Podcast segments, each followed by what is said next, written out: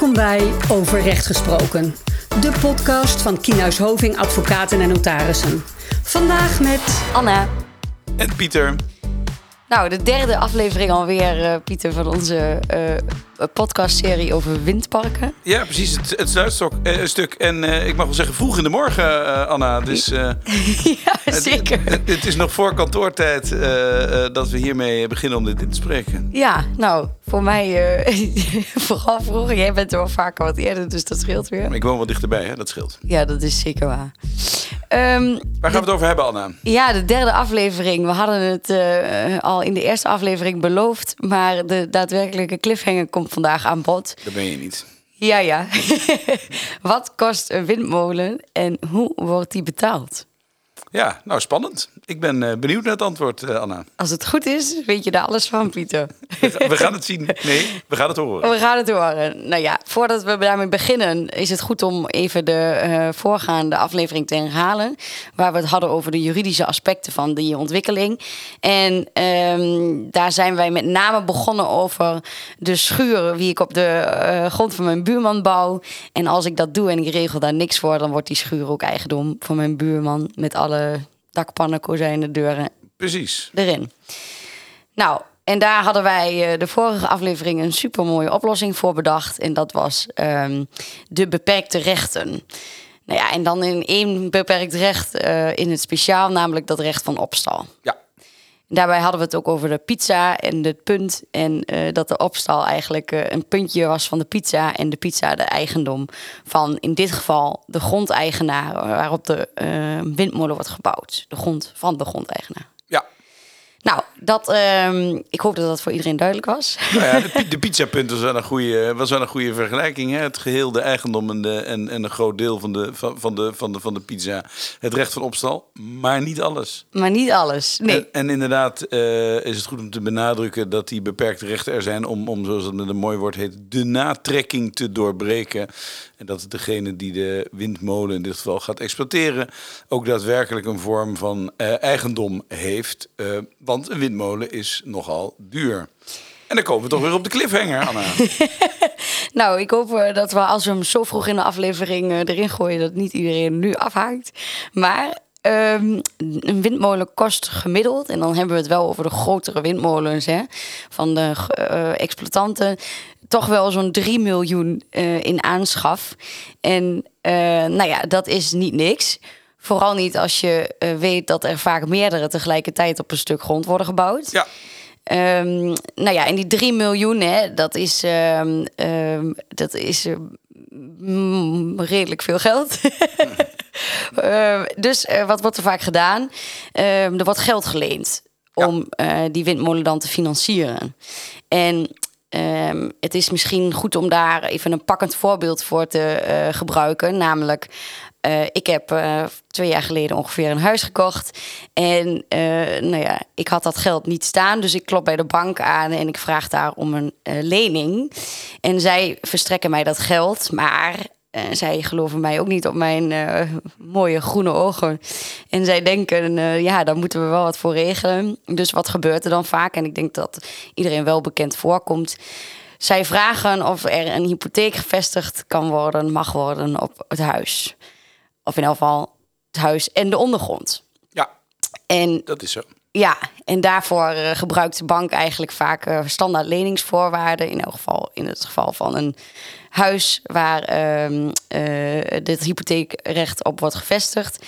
En um, dan heeft zij een bepaalde um, zekerheid, namelijk als ik niet betaal mijn hypotheek, dan uh, kan zij, zoals dat zo mooi heet, het huis executeren.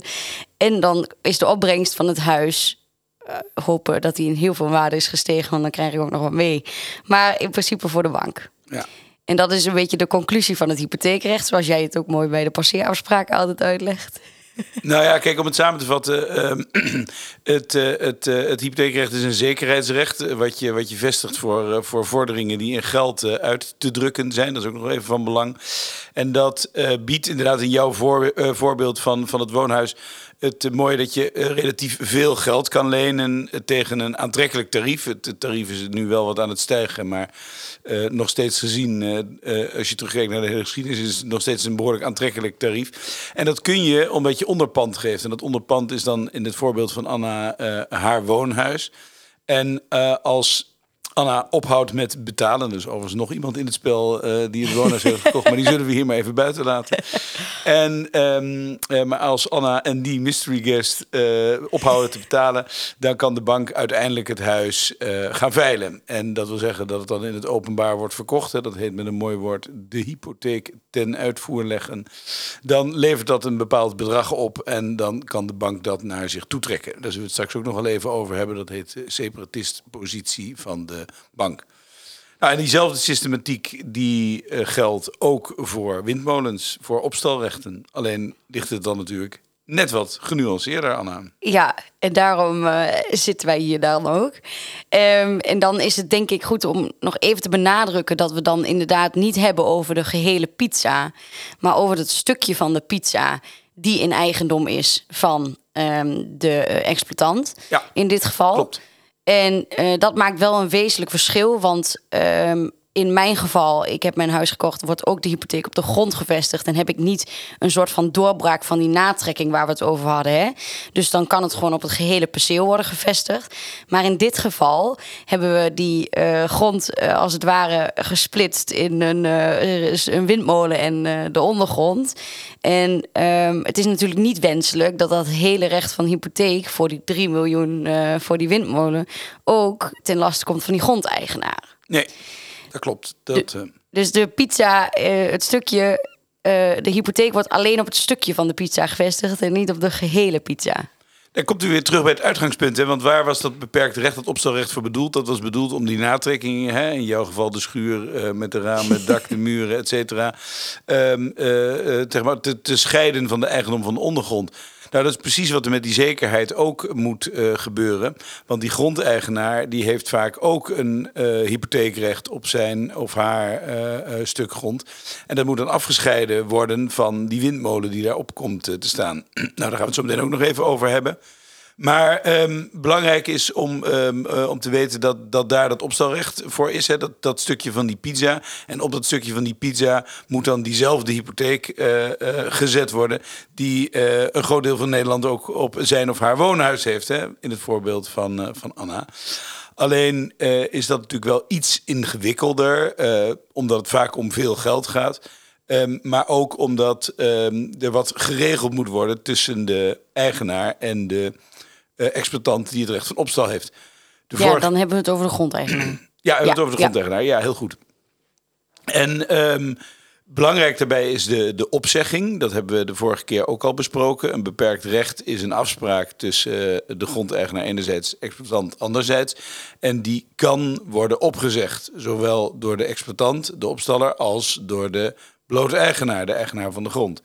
En vooral in dat laatste geval zou de bank buitenspel komen te staan. Want die, eh, ehm, als die eigenaar de, het opstelrecht opzegt, dan valt dat weg. En dan valt ook de hypotheek weg, zal ik maar zeggen. Het ligt iets ingewikkelder. Maar dat is natuurlijk wel de vrees van de bank. Dat is natuurlijk niet de bedoeling. Vandaar ook dat eh, dat opstelrecht heel lastig is op te zeggen door de eigenaar. Maar een van de gronden, hebben wij de vorige keer verteld, is ehm, als de eh, exploitant niet betaalt. Dat heeft de exploitant natuurlijk in de hand. Hè. Die kan natuurlijk twee jaar lang de retributie niet betalen. Vervolgens eh, valt het opstalrecht weg als de eigenaar dat terecht opzegt. En weg is ook de zekerheid eh, voor, de, voor de bank. Daar zijn allerlei regelingen voor. Ehm, vaak wordt opgenomen dat de bank geïnformeerd moet worden rechtstreeks door de eigenaar. En dan meldt de eigenaar bij de bank, eh, nou de opstaller heeft al een jaar niet betaald. Als het nog een jaar zo doorgaat, dan zeg ik het recht van opstal op. Mag ik daar één ding over vragen, Pieter? Natuurlijk, Want eh, dat betekent dus ook dat die grondeigenaar de inhoud van die akte weet. Nou, die weet, ja, die krijgt een afschrift toegestuurd Ja. eh, eh, vaak. En, en, en daarmee ook die, die verplichting op, opgelegd. Ja, precies. Oké. Nee. En, dat, en dat is ook wel de bedoeling dat de exploitant dat weer doorgeeft aan de, aan de, aan de grondeigenaar. Maar dat klopt, ja. Oké, dat Ja. is wel een bijzondere Ja. situatie in dat opzicht. Nou ja, in, in zoverre bijzonder. Kijk, alles eh, wat met vastgoed te maken heeft, ook jouw huis, of jullie huis en jullie hypotheek staan ingeschreven bij het kadaster. En het kadaster is een openbaar register, dus eh, daar kun je zo jouw eh, leveringsakte uithalen, ook jouw hypotheekakte. En dan kun je in ieder geval zien waarvoor de hypotheek is ingeschreven. Het Ja. hoeft niet per se het bedrag te zijn wat je hebt geleend, maar dat is op zich openbare informatie. En ja, eigenlijk is het voor, voor alle partijen een, eh, een, eh, een voordeel. Voor de bank dat ze vinger aan de pols houdt wat eh, de exploitant doet. Maar voor de grondeigenaar ook. Want als de grondeigenaar eh, niet betaald wordt, heeft ze ook niet zoveel aan, de, aan die windmolen die erop staat.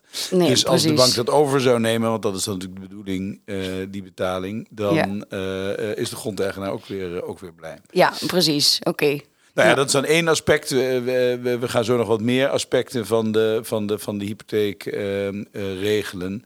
Maar ehm, ehm, ja, misschien, misschien een, een, een, leuke vraag aan, aan jou. Heb, heb jij de akte wel eens doorgelezen van jouw eh, hypotheek, Anna? Wat er allemaal in staat? Ehm, ja, dat moet ik eigenlijk wel doen, vind ik zelf. Maar ja, heb ik gedaan. Maar het is wel een erg uitgebreide akte. En wat ik met name altijd zo ehm, spannend daaraan vind, is dat ook alle toekomstige vorderingen een soort van verpand worden. Dus dat is Ja. nog weer wat anders dan de vestiging van een hypotheek. Maar ehm, eh, mij is altijd eh, verteld, in elk geval op de universiteit, dat eh, je altijd goed moet kijken waar je dan vervolgens geld leent. Want als ik nu nog steeds bij die bank een ander voor iets anders geld leen, dan zouden ze zich ook kunnen verhalen op mijn huis. Ja. Nou ja, dat is wel een ding. En er staat ook vaak in natuurlijk dat je niet mag verhuren. Dat je niet eh, de dermate wijzigingen mag aanbrengen. Waardoor het niet meer zoveel waard is. Dat wil zeggen dat ik de hele keuken eruit sloop en er vervolgens er geen nieuwe meer zet. Ja, Zonder toestemming. klopt. Ja, Nee, nou daar doelde ik inderdaad een beetje op. Ja. Hè. Er wordt, eh, eh, eh, je, je wordt eigenlijk wordt het hele handelen van het huis wordt je, wordt je, wordt je ontnomen. Dat is ook niet onlogisch, want bijvoorbeeld met die verbouwing. ehm, eh, voor, iedere voor iedere verbouwing heb je toestemming nodig, terecht wat je zegt. En dat is niet alleen voor grotere, maar ook voor, voor, eigenlijk voor hele kleine verbouwingen. En de achtergrond daarachter is dat ehm, eh, de sterkte van het hypotheekrecht natuurlijk afhangt van de waarde van het onderpand. Dus als je het verbouwt en het meer waard wordt, vindt de bank het prima. Ja. Maar als je het verbouwt en het minder waard wordt, dan heeft de bank wel een eh, kapstok waar ze iets aan kan ophangen om te zeggen van nou, eh, we zeggen de hypotheek op. ja precies. Ja. Dus dat, nou, dat is, ehm, hè, deze bepalingen staan er natuurlijk ook allemaal eh, in. En, en uiteindelijk het meest belangrijke is de, het recht van parate executie, zoals dat heet. Dat de bank de hypotheek ten uitvoer kan leggen. En dat wil zeggen dat de bank uiteindelijk het eh, kan veilen. Hè. Dat, is, dat is wat iedereen weet. Gebeurt op dit moment niet zo heel veel in, eh, ehm, in het land der woonhuizen. Maar dat is, eh, dat is het, het ultieme instrument van, van de bank om, eh, eh, om, om zich te kunnen, te kunnen verhalen. Ehm, Nu daarna- is mijn huis eh, nog wel een keer te verkopen. Ken jij een, eh, een iemand die interesse heeft in een eventuele windmolen? Nee, nee, in het verleden heb ik nog wel eens wat mensen eh, gehad. Tenminste, dat eh, weet ik dan via exploitanten. vooral mensen wat meer uit het Oostblok... die dan tweedehands windmolens opkopen. Oh, maar ja? goed, niet, niet, niet vanuit veilingen, maar gewoon die afgebroken worden. Oké. Nee, de, de markt voor windmolens is natuurlijk anders. Kijk, ehm, je moet het zo zien. het, is, het is natuurlijk het ultieme, eh, het ultieme, het ultieme middel om, eh, om het geld naar je toe te halen. Nog even terug naar die woonhuizen. Daar zie je tegenwoordig ook steeds minder veilingen. Dat zei ik net al. En hoe lost de bank het dan op? Die lost het op een andere wijze op door bijvoorbeeld eh, de cliënten die niet betalen. ja, een vorm van te dwingen om het huis vrijwillig te verkopen. Verkopen, En ja. dan wordt die schuld ook af, afgelost. En zo zijn er nog wat meer methodes. Ja, en het voordeel daarvan is denk ik ook wel goed om even dat te benoemen. Dat je het wel voor een wat andere waarde vaak verkoopt dan dat je ermee naar een veiling gaat. Ja, nou ja, dat is het probleem van de veiling. Hè? Op Ja, papier is het ja. meest transparant. En de praktijk wordt daar wel anders over gedacht. En het levert over het algemeen toch niet de hoogste prijs op. Ja, Maar goed, even terug naar die, eh, naar die windmolens. Want terecht wat je zegt, eh, eh, hè, zie je het voor je dat er een veiling van windmolens plaatsvindt. Kan natuurlijk, hè, als het een groot park is wat, wat veel oplevert, dan zullen daar ongetwijfeld ook wel uh, gegadigden voor zijn. Maar het is vooral, ehm, en daar is die weer, de separatistpositie van de bank, die het voor de bank aantrekkelijk maakt. Want stel dat de exploitant uh, failliet zou gaan of in schuldsanering of, of iets dergelijks zou komen. En er komt een curator of een bewindvoerder in het spel. Dan heeft de bank uh, wel de, zal maar zeggen, de controle over die uh, windmolen, over dat actief. En die hoeven zich dan niet te laten leiden door wat de curator wil. De bank kan uiteindelijk altijd zeggen: Nou ja, als je dat niet wil, dan veil ik hem wel. Ja, precies. En haal ik daar de, de, de, de opbrengst weer, weer uit. Ja. Dus dat is het, wel het sterke aan, aan zo'n hypotheekrecht. Ja, dus eigenlijk hoef je dan niet je te gedragen naar de instructies van de curator, maar kun je daar zelf op acteren. Um, dan nog even terug naar die inhoud van die akte van de hypotheek. Want die wijkt dus, eh, hè, zoals we net zeiden, de normale bepalingen, waardoor die minder waard wordt, staan er natuurlijk ook in. Alleen de akte van hypotheek voor een windmolen bevat ook nog wel wat andere um, elementen om het voor de bank aantrekkelijk te maken om in ieder geval wel die windmolen te financieren. En dan heb ik het over bijvoorbeeld uh, die instaprechten, waar we het in de eerste aflevering volgens mij was dat ook al eventjes over hebben gehad. Um, kun jij dat wellicht wat meer toelichten, Pieter? Ja, instaprechten zijn uh, eigenlijk uh, rechten dat de bank de exploitatie van, van in dit geval de windmolen kan overnemen. En dat kunnen ze dan doen op het moment dat er sprake is, dat met een mooi Engels woord heet dat default. Dus als de, de exploitant zich niet houdt aan de afspraken met de bank, met name als de lening niet wordt, uh, wordt terugbetaald, maar er zijn wel meer, meer aspecten, dan kan de bank de controle overnemen. Dat is altijd wel een punt van, van, van onderhandeling, want die instaprechten vind ik dan als professional moeten niet te gemakkelijk uh, aangaan, zeg maar. Want daar kan de bank dan ook in andere situaties gebruik van maken dat het misschien helemaal niet, niet, niet nodig is. Vandaar... Ziet dat dan alleen op de windmolen of op de hele organisatie van de exploitant? nee, dit ziet, dat, dit ziet wel op, op dit deel van, ja, de, van de exploitatie, ja. maar wel met name op de exploitatie van de windmolen. Dus niet dat het bedrijf van de, van de exploitant kunnen overnemen. Ik ontsla de bestuurder en uh, we gaan. Maar je ziet, je ziet vaak dat die uh, voor dit soort uh, parken worden dan aparte vennootschappen. Dus dat zijn dan ja. zeg maar een soort bedrijfs. Nou, daar weet je ook alles van. en weer een andere tak van sport, dames en heren, waar Anna goed in is. Hè? Waar, waarin is ze niet goed? No, um, no, no.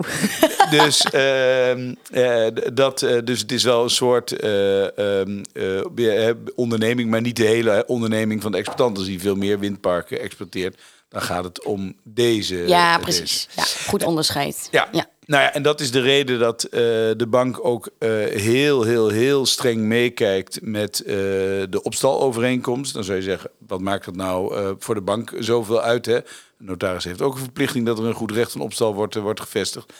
Nou, dat is niet alleen vanwege die opzeggingsproblematiek, maar de bank wil aan de voorkant precies weten wat ja. alle afspraken zijn. Nou, dat is op zich ook niet zo gek denk ik. Want als jij gaat kijken naar wat opzeggingsgronden zijn, kunnen zijn, dan wil de bank daar wel enigszins een goed gevoel bij hebben. Want zij vestigen uiteindelijk wel de hypotheek op dat stukje van de pizza. Ja, ja. dat klopt. Uh, maar het is niet alleen die opzegging. De bank kijkt tegenwoordig, uh, nou ja, vijf, tien jaar geleden was het nog, een, nog ook een vorm van standaard financiering, wat de bank uh, vrij makkelijk deed. Tegenwoordig, nou ja, we hebben al net in, de, in, het begin van de podcast gezegd, wordt er, wordt er veel specifieker naar gekeken en niet het modelletje woonhuis, wat, wat Anna ja, zo keurig heeft toegelicht ja. net. Maar is het dan wel wat wij met een chic woord maatwerk noemen? En dat betekent uh, dat de bank niet alleen in de hypotheek en de, en de lening meekijkt, maar ook met die opstalvoorwaarden. En dan niet ook alleen naar opzegging. Maar uh, banken willen ook, um, wat dan wel in goed Engels genoemd wordt, een uh, um, all entire agreement in de opstalakte hebben. En dat wil zeggen dat alle afspraken moeten blijken uit de vestiging van het opstalrecht. Dus, dus de notariële akte die wordt ingeschreven en waarom wil de bank dat? Omdat vaak die afspraken met die windmolens en grondeigenaren al heel lang lopen. Hè, dat zijn trajecten die vergund moeten worden. Nou, dat is tegenwoordig ook een heikel punt met, met alle stikstof.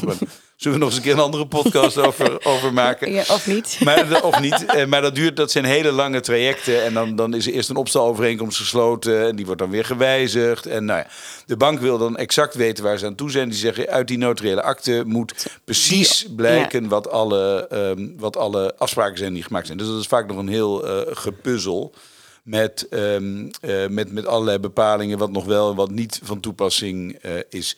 Ja. Dus um, uh, we gaan er steeds meer naartoe eigenlijk dat je een soort eh, eh, korte opstalakte maakt en verwijst dan naar de opstalovereenkomst. Oké. Maar goed, dat is nog een beetje toekomst. En die, eh, nou ja, oké. Dus eigenlijk conclusie van het verhaal is dat de bank zich in veel zaken toch wel eh, mengt, omdat zij eh, die windmolen uiteindelijk financieren. Ja. En dat dat dus al in een vroeg stadium met hen wordt besproken. En ook wat uiteindelijk de afspraken worden van het opstalrecht, wat eigenlijk alleen maar van toepassing is tussen de grondeigenaar en de exploitant. Dat klopt. Want dat is namelijk het verschil. Ja.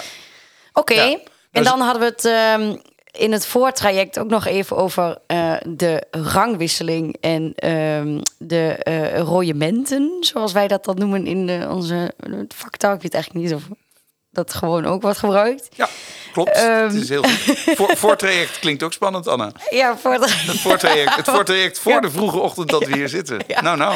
Nou, precies. Ehm, er is heel veel voorbereiding aan van de Ehm, maar over die ehm, eh, rangwisseling en die royementen, dat is wellicht ook nog goed om, eh, om even te, kort te benadrukken. Want ehm, het kan natuurlijk ook zo zijn dat eh, de grondeigenaar voor dat stuk, de hele pizza, zeg maar, een, Ja. een hypotheek heeft. om die grond uiteindelijk ook te hebben aangekocht. En daarvoor wordt ook vaak wat geregeld. En dat kan dus in twee manieren: rangwisseling en royement. Ehm, want vaak lever je een perceel onbezwaard en eh, dat betekent vrij van hypotheken. En ehm, als wij deze rangwisseling slash royement gaan toepassen, dan is dat in feite zo. Terwijl, eh, nou ja, er zit wel een belangrijk verschil in. Misschien moet ik het verschil even uitleggen en ehm, hoe dat dan hier wordt toegepast. Maar als ik een royement heb, dan wordt het eh, hypotheekrecht voor een stukje doorgehaald. Dus dat wil zeggen gedeeltelijk alleen voor dat stukje waar de windmolen op wordt gebouwd. Dat zeg ik goed. Dat klopt. Ja. Ja. En als we een rangwisseling gaan doen, dan betekent dat dat eh, de grondeigenaar nu op dit moment een eerste recht van hypotheek heeft. En dat na de vestiging van het hypotheekrecht voor de windmolen daar een tweede recht van hypotheek van wordt gemaakt. Nou, het ligt, het, dat ligt eigenlijk ietsje anders. Even in jouw voorbeeld van de pizza-punt. Hè, als je de, de hele pizza neemt eh, eh, en je zou eh, het middendeel, de, vaak het lekkerste deel, in plaats van de Ja, kortste klopt. eruit snijden en zeggen dat is het opstalrecht. Dat wordt er vaak kadastraal ook zo, zo, zo uitgemeten. Maar dan kan de, kan de luisteraar dat visualiseren. En dat middendeel snij je, er, snij je eruit uit die grond van de eh, van de grondeigenaar, dan kun je voor dat stuk tegen de bank zeggen: wilt u daarvoor het hypotheekrecht doorhalen? Nou, Ja. dat kan. Ehm, dat werd voorheen wel veel gedaan, maar dat vinden banken ingewikkeld, want dan is het een klein stukje en hebben ze allemaal procedures voor. Dan zou er afgelost moeten worden. Dus dat Het wordt nu- eerste stukje is het royement. Ja, dat Ja. is, dat is, de, rooi- dat is het roymentsdeel. Dus wat gebeurt er nu tegenwoordig? Dan vindt de rangwisseling plaats. En het is dan niet dat eh, de bank een tweede hypotheek krijgt op het, eh, eh, op het opstalrecht of op, op de grond. Nee, je knipt het opstalrecht, met het opstalrecht knip je de eigendom door. En op dat moment, bij de vestiging van het opstalrecht, wordt het opstalrecht hoger in rang op de grond van de eigenaar. En dan is dat opstalrecht, kun je dan een hypotheek op vestigen. En als dan de eh, exploitant niet zou betalen en de bank tot die veiling over zou gaan van het windpark, dan kan ze dat gewoon doen zonder, Zonder- dat ze ja, zeg maar last heeft van de hypotheek van de eigenaar. Dat is de rangwisseling. Ja. Dus hij vindt plaats tussen het opstalrecht enerzijds en de hypotheek van de grondeigenaar anderzijds. Nou, Nou, dat ik is hoop goed, dat iedereen eh. het nog kan volgen. ik hoop dat het ook nog een beetje interessant is. Ja, nou ja, ehm, ik hoop dat iedereen het ook nog heeft gevolgd. Want ik denk dat we het zo langzaam aan gaan afronden. Ja, dat is verstandig, denk ik. Ja, Ehm, ja in, de, in de eerste aflevering zijn we eigenlijk begonnen met een soort van inleiding van het thema eh, ontwikkeling van windparken en wat voor problemen daar kunnen ontstaan. En ehm, gelukkig zijn wij er dan in de tweede aflevering nog eh, uitgekomen met hoe we die problemen gaan oplossen. En dit probleem zit met name in die natrekking van die grond. En hoe bouw ik dan een windmolen op andermans grond? Nou, daar hebben wij eigenlijk twee oplossingen kort, kortom aangedragen, namelijk ehm, eh, het recht van opstal en het recht van erfdienstbaarheid.